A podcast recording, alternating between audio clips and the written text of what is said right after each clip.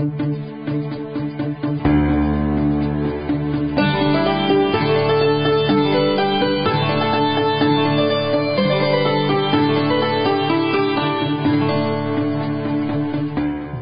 लैंगिक समानता र सामाजिक समावेशीकरणका सवालमा सूचनाको पहुँचका लागि हामी सबैको प्रयास कार्यक्रम साझा पहल।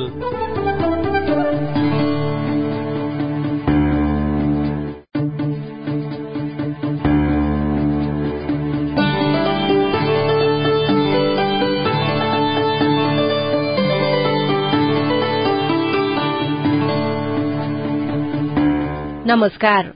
रेडियो कार्यक्रम साझा पहलमा तपाईंलाई हार्दिक स्वागत छ। म सुशीला श्रेष्ठ। अनि म उषा तामाङ। कार्यक्रम साझा पहल महिला लैंगिक अल्पसंख्यक अपाङ्गता भएका व्यक्ति र सीमान्तकृत समुदायमा सूचनाको पहुँच पुर्याउने उद्देश्यले तयार पारिएको कार्यक्रम हो। अहिले कोविड उन्नाइस नियन्त्रणमा आएको जस्तो देखिएको छ तर यसले महिला तथा सीमान्तकृत वर्गमा आर्थिक सामाजिक तथा मानसिक रूपमा गहिरो प्रभाव छोडेर गएको छ। कार्यक्रममा हामी कोविड उन्नाइसको प्रभाव लैंगिक समानता र सामाजिक समावेशीकरण दृष्टिको बारेमा छलफल गर्नेछौं। लैंगिक समानता र सामाजिक समावेशीकरण दृष्टिकोण भन्नाले हामी यस कार्यक्रममा महिला सीमान्तकृत वर्ग बाल बालिका ज्येष्ठ नागरिक अपाङ्गता भएका व्यक्ति एकल महिला लैंगिक अल्पसंख्यक विभिन्न प्रकारका हिंसाबाट प्रभावित भएका महिला तथा किशोरी दीर्घरोगी गर्भवती तथा सुत्केरीका सवालहरूलाई प्राथमिकता दिनेछौ।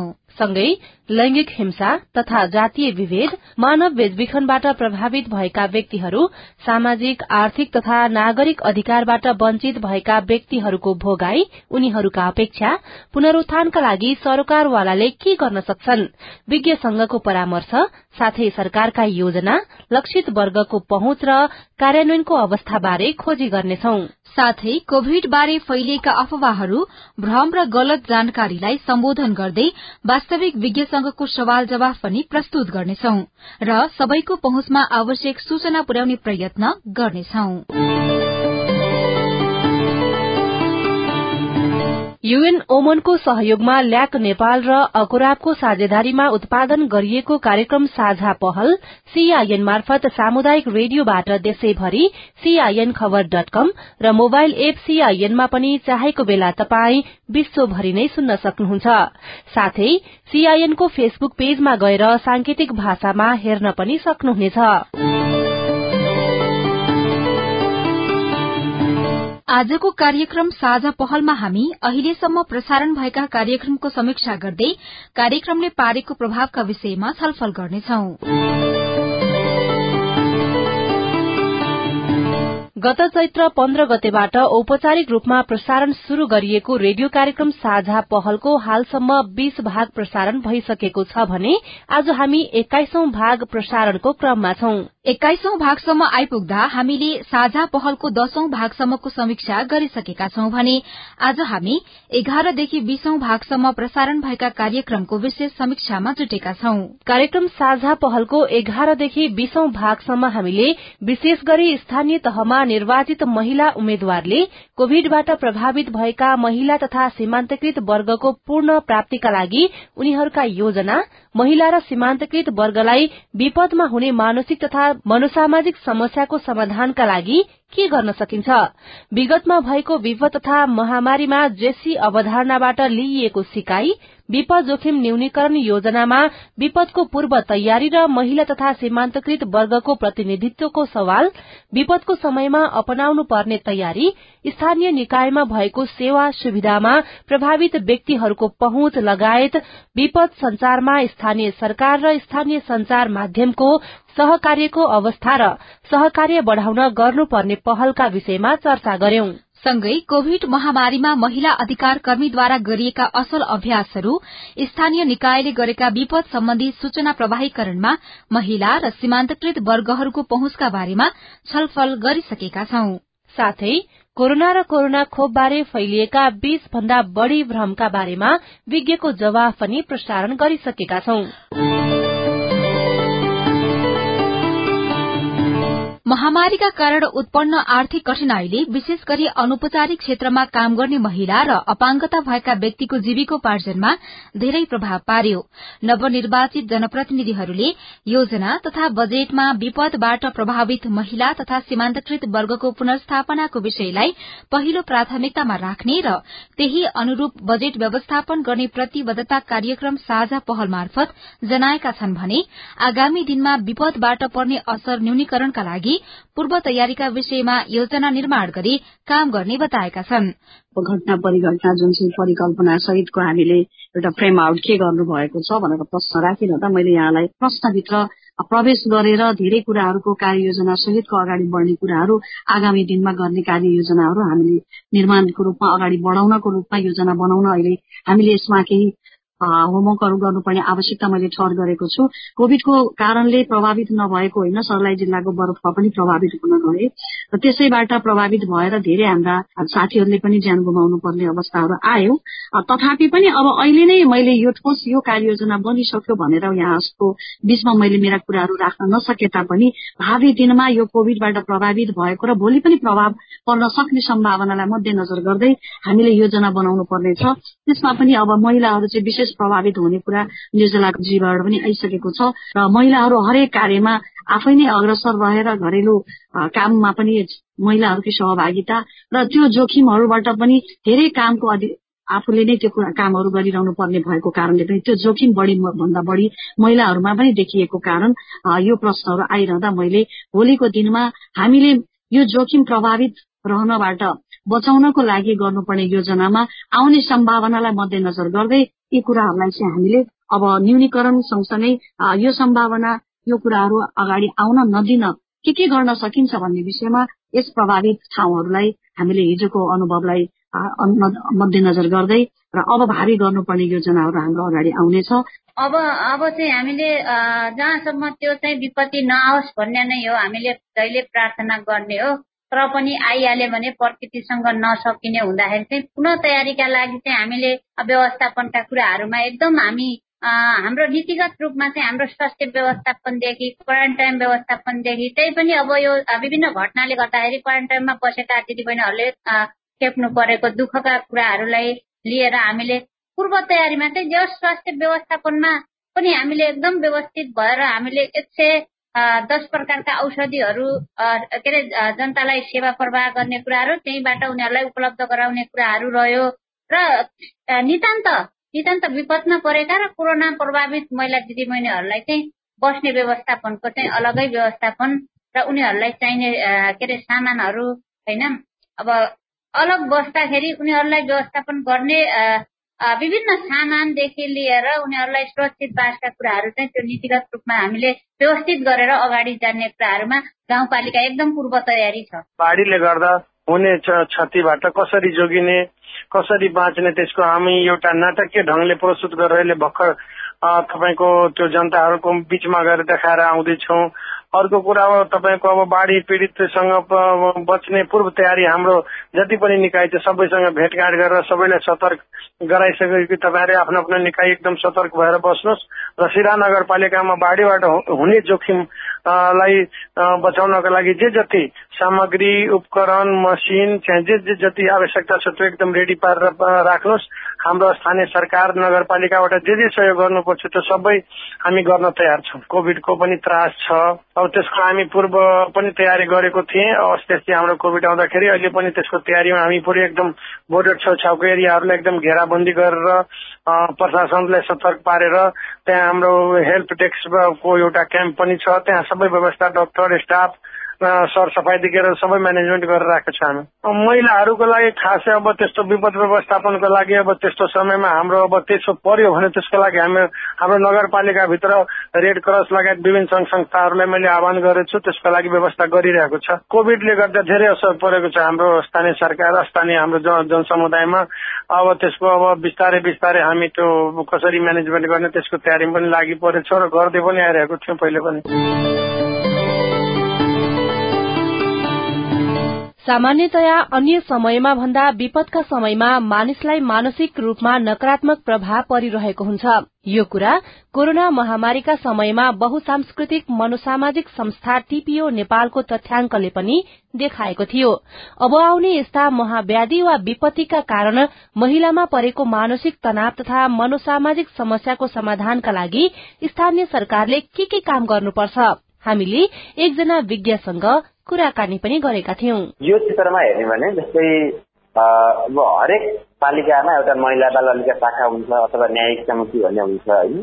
त्यहाँ पनि विभिन्न खालका समाजका महिलाका बाल बालिकाका ज्येष्ठ नागरिकका घटनाहरू आउँछन् जहाँ चाहिँ समस्या नै भएर आउने खालका समस्याहरू हुन्छन्। त्यो ठाउँमा पनि हामीले एउटा मानसिक अथवा मनोसामाजिक सहयोगका लागि चाहिँ केही परामर्शदाताको अथवा अरू सहयोग हुने खालका केही कुराहरू हामी व्यवस्था गर्न सक्छौँ। जस्तै अरू अब प्राइमेरी स्वास्थ्य केन्द्रहरूमा पनि त्यहाँका पालिकामा काम गर्ने अथवा स्वास्थ्य केन्द्रमा काम गर्ने सरकारी डक्टरहरूलाई पनि सामान्य खालका चाहिँ एउटा मानसिक स्वास्थ्य सम्बन्धी तालिमहरू दिएर उहाँहरूबाट पनि मानसिक स्वास्थ्यको उपचारको लागि चाहिँ पहल गर्न सक्छौँ। र सँगसँगै विद्यालय स्तरमा पनि हामीले बालबालिकाहरूसँग काम गर्न सक्छौँ। बालबालिकाहरूलाई चाहिँ मनोसामाजिक मानसिक स्वास्थ्य विषयमा जनचेतनाहरू फैलाउने त्यसमा समाजमा चाहिँ जनचेतनाहरू फैलाउने काम गर्ने होइन? यसरी चाहिँ अलिकति पालिका लेभलमा अथवा स्थानीय लेभलमा चाहिँ केही सामान्य कुराहरू गर्न सकियो भने यसको अवस्था अलिकति सुदृढ चाहिँ हुँदै जान्छ भन्ने चाहिँ मलाई विश्वास लाग्छ। यस्तै कार्यक्रममा हामीले कोरोना महामारी वा अन्य विपदका बेला महिला अधिकार कर्मीको भूमिकाका विषयमा चर्चा गरेका थियौं। कोरोना महामारीको रोकथाम नियन्त्रण र प्रभावितहरूको दैनिकीलाई सहज बनाउन महिला अधिकार कर्मीहरू डटेर लागेको देखिएको थियो।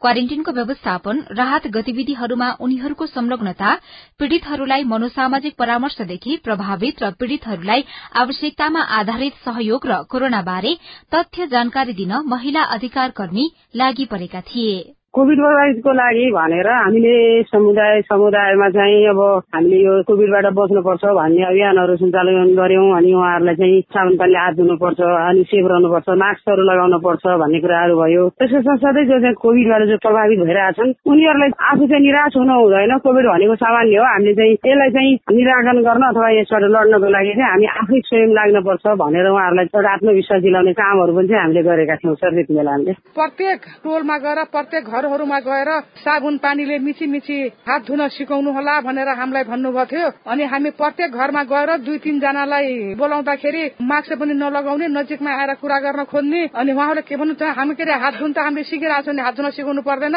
हामीलाई के डिटोल साबुन सेनिटाइजर दिएको भए त झन् राम्रो हुने थियो नि भनेर भन्नुहुन्थ्यो। गाउँपालिकाले नीतिगत नियम बनाएर त्यसमा पनि अघि बढ्नुपर्छ र जुन स्वास्थ्य सामग्रीहरू छन् स्वास्थ्य सामग्रीको पर्याप्त उपलब्धता हुन अति जरुरी छ र त्यसमा पनि सम्पूर्ण अधिकार कर्मी र सेवाग्राहीहरू छन्। उहाँहरूको बीचमा एकदम राम्रो भूमिका मतलब एकदम जोखिम भत्ताको लागि सरकारले स्थानीय तहले पनि जोखिम भत्ताको व्यवस्था गर्नुपर्छ।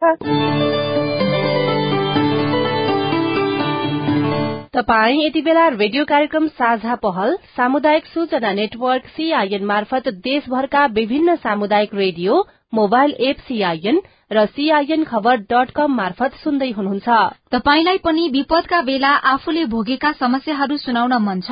या सरकारसँग आफ्नो अपेक्षा प्रश्न गुनासो वा जिज्ञासाहरू छन्? भने हाम्रो फोन नम्बर शून्य एक बान्न साठी छ चार छमा फोन गरेर आफ्नो कुरा राख्न सक्नुहुनेछ। तपाईमा कोरोनाका लक्षणहरू देखा परेको छ वा कोरोना भएको आशंका लागेको छ भने नजिकैको स्वास्थ्य संस्था वा जिल्ला अस्पतालमा गएर कोरोनाको परीक्षण गराउन सक्नुहुनेछ।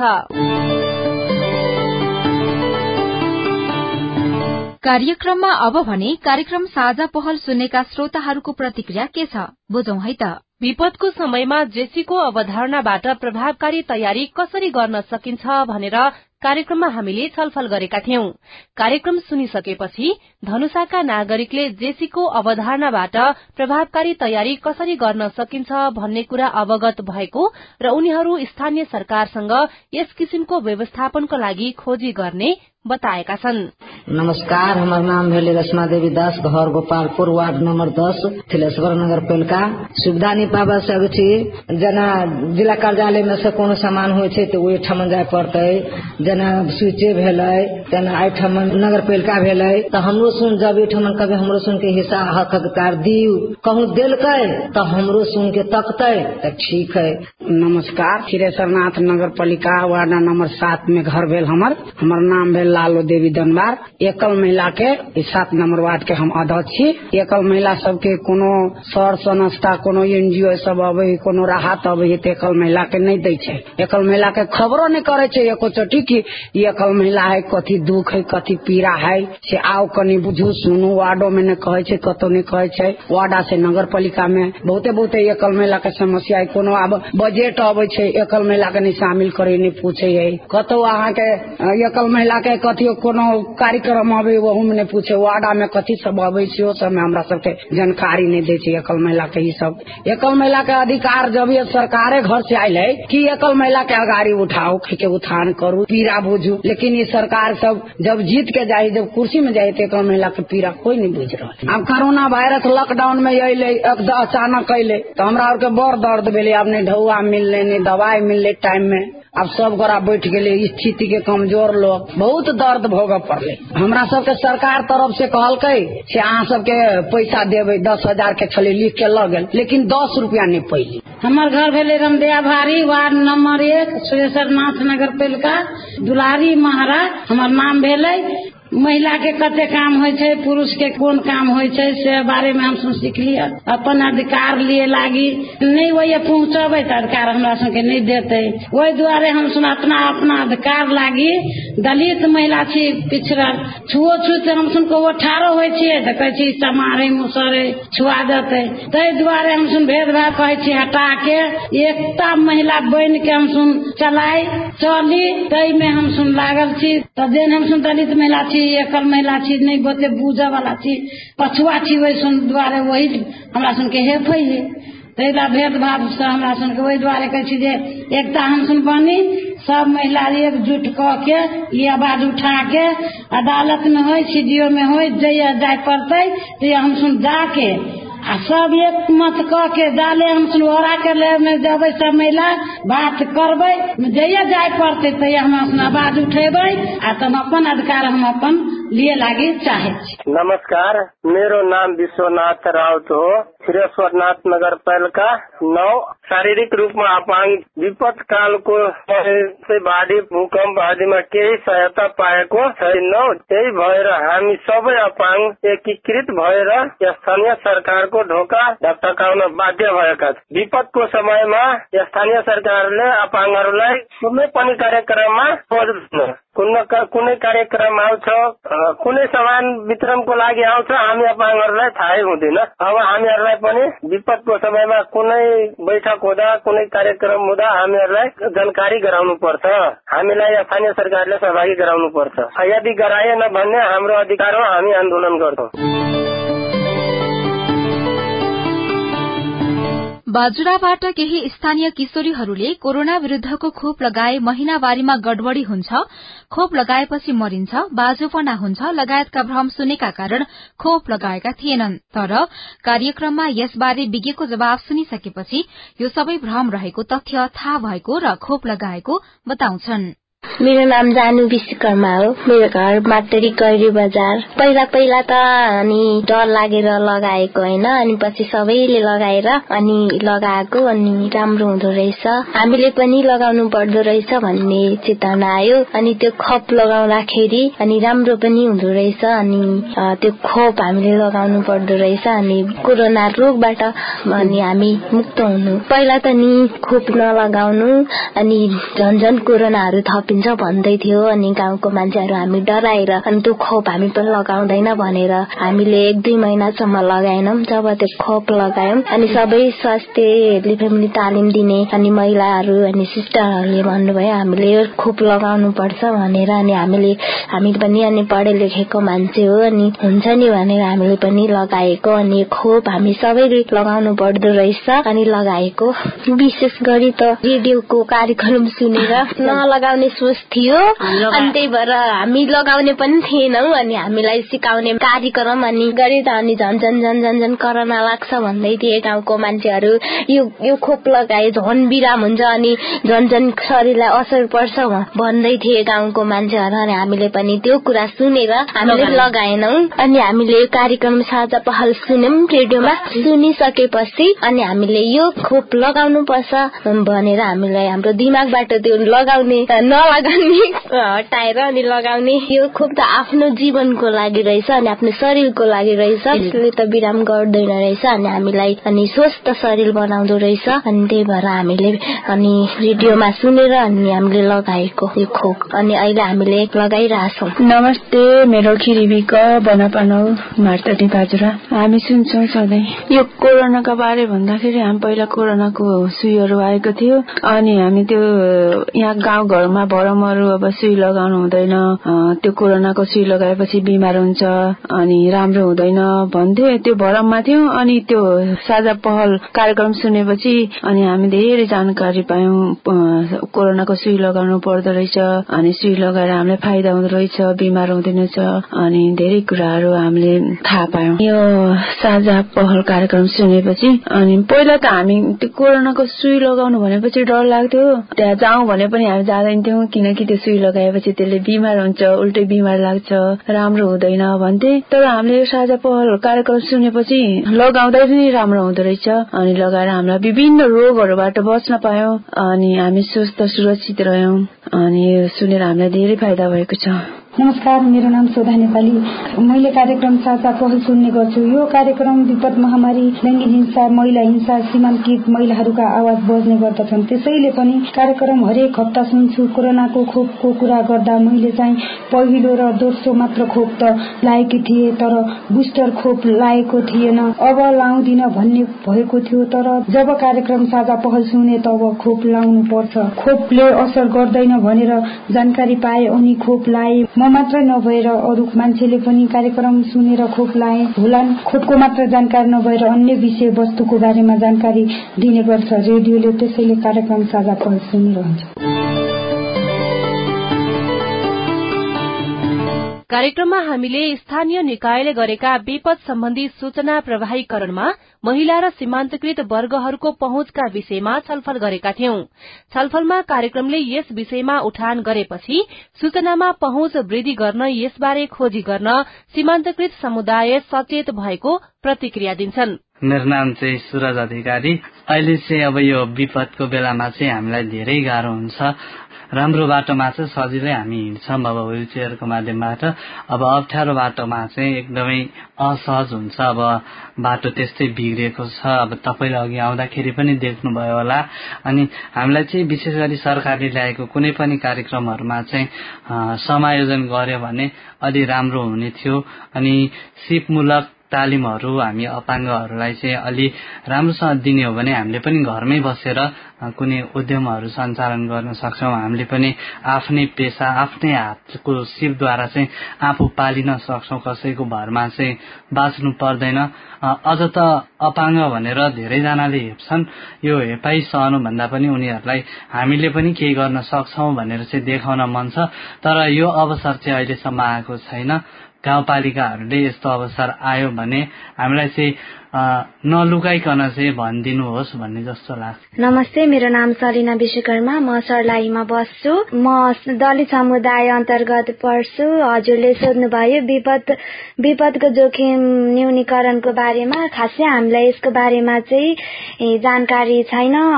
यसमा यो नगरपालिकाले वडा कार्यालय वडा कार्यालयले कसरी कसरी योजना बनाउँछ यसको बारेमा हामीलाई केही नै थाहा हुँदैन।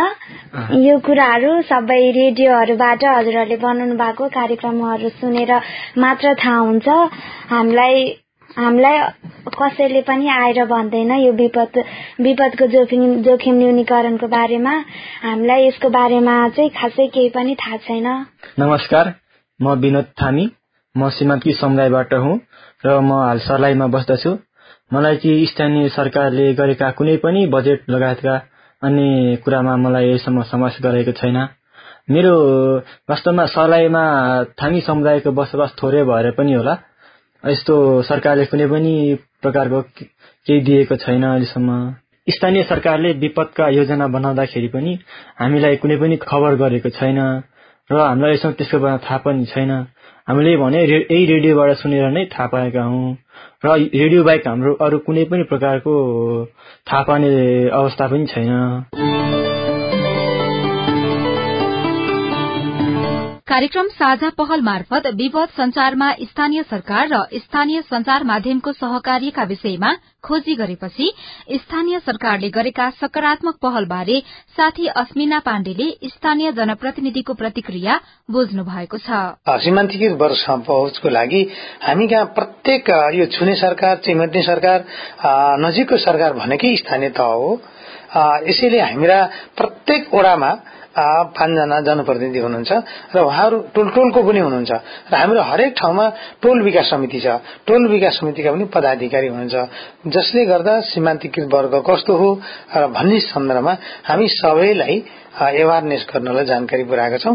मेरो अनुभवमा सबै टोल विकास संस्था जनप्रतिनिधि र संचारकर्मी सबै हाम्रो सशक्त हुनुहुन्छ सबैबाट सहयोग भएको छ। अझै पनि यसमा सूचना सम्प्रेषण गरेर सबैलाई जानकारी होस् भन्ने नै मेरो अनुरोध हो। हाम्रा योजना तर्जुमाका सेभेन स्टेप सातवटा चरण छन्। ती सातवटा चरणमा उहाँहरूको आवाज एड्रेस हुन्छ भन्ने सैद्धान्तिक रूपमा हामीले बुझेका छौं। यो सँगै अब हामी कार्यक्रमको अन्त्यमा आइपुगेका छौं। आजको कार्यक्रम साझा पहलमा हामीले अहिलेसम्म प्रसारण भएका कार्यक्रमको समीक्षा गर्दै कार्यक्रमले पारेको प्रभावका विषयमा छलफल गर्यौं। यो सँगै कार्यक्रम साझा पहलको आजको अंकबाट भने विदा लिने समय भएको छ।